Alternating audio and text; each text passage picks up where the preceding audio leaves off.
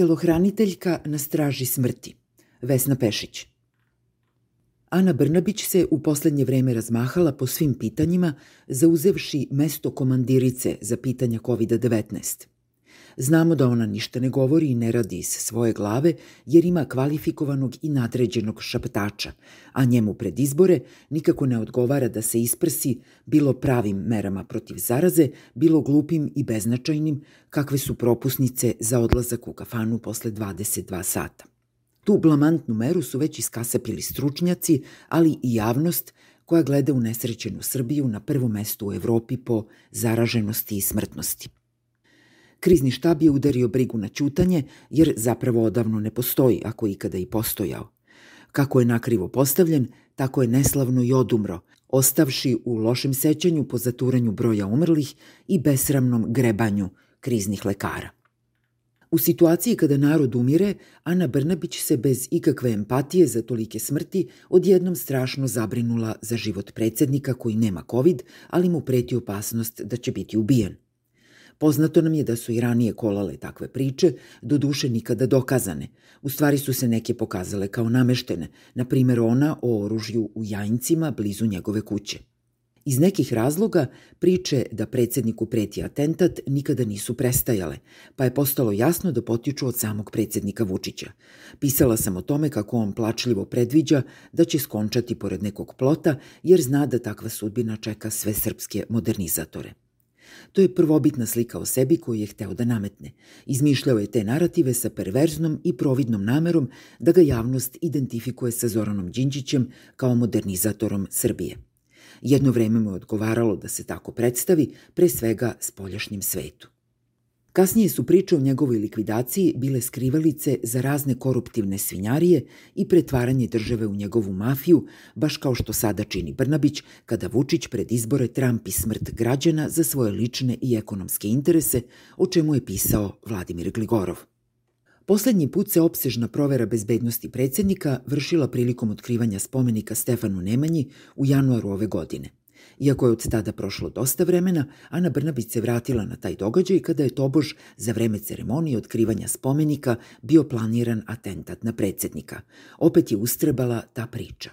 Usred dramatičnog umiranja od COVID-19, što se ne sprečava zarad predizbornih interesa predsednika Vučića, a zatim i planiranja sve većeg zatezanja, što se videlo u predlogu zakona o policiji koji je povučen i nacrtu zakona o ograničenju i kažnjavanju slobode mišljenja. Kada postaje više nego jasno da je Jovanjica njegov državni biznis, Ana Brnabić je pokrenula priču o ugroženosti predsednika. Ona je tu navodnu opasnost po njegov život obelodanila u jutarnjem poselu na Pinku. Odnekud tadašnji plan likvidacije navodno i dalje važi, iako ga realno nikada nije ni bilo. Pogledajmo kako ona ispričala tu priču. Ceo narativ je bio ovakav. Mislim da su oni hteli da ga ubiju. Koji oni, ne kaže se. Pre, tokom i posle otvaranja spomenika Stefanu Nemanji. Ali danas mi se čini da je taj narativ razbijen. Mi ćemo nastaviti istragu i zaštićenih neće biti. Lako se vidi da tu nema činjenica, da postoji samo misteriozni narativ za koji se ne zna ni čije, ni koga je razbio. Postoji samo njen narativ o izmišljenom narativu. Činjenica ni od korova.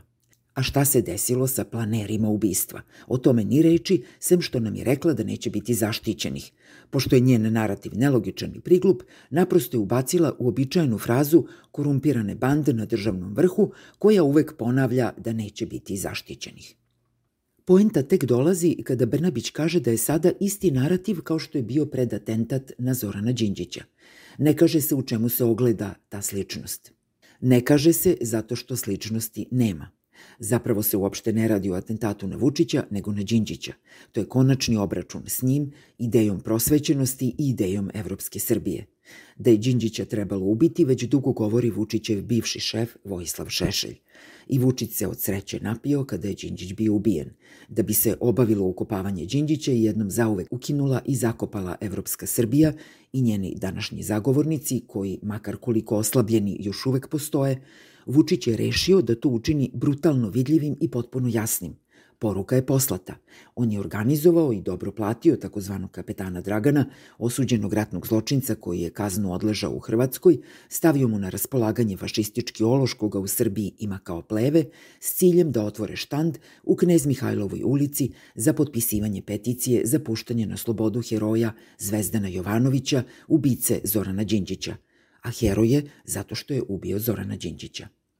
Dotle smo stigli sa blatnjavim kuferima Vučića i velikim vezirom Anom Brnabić, pod dugačkom senkom smrti. Viva la muerte!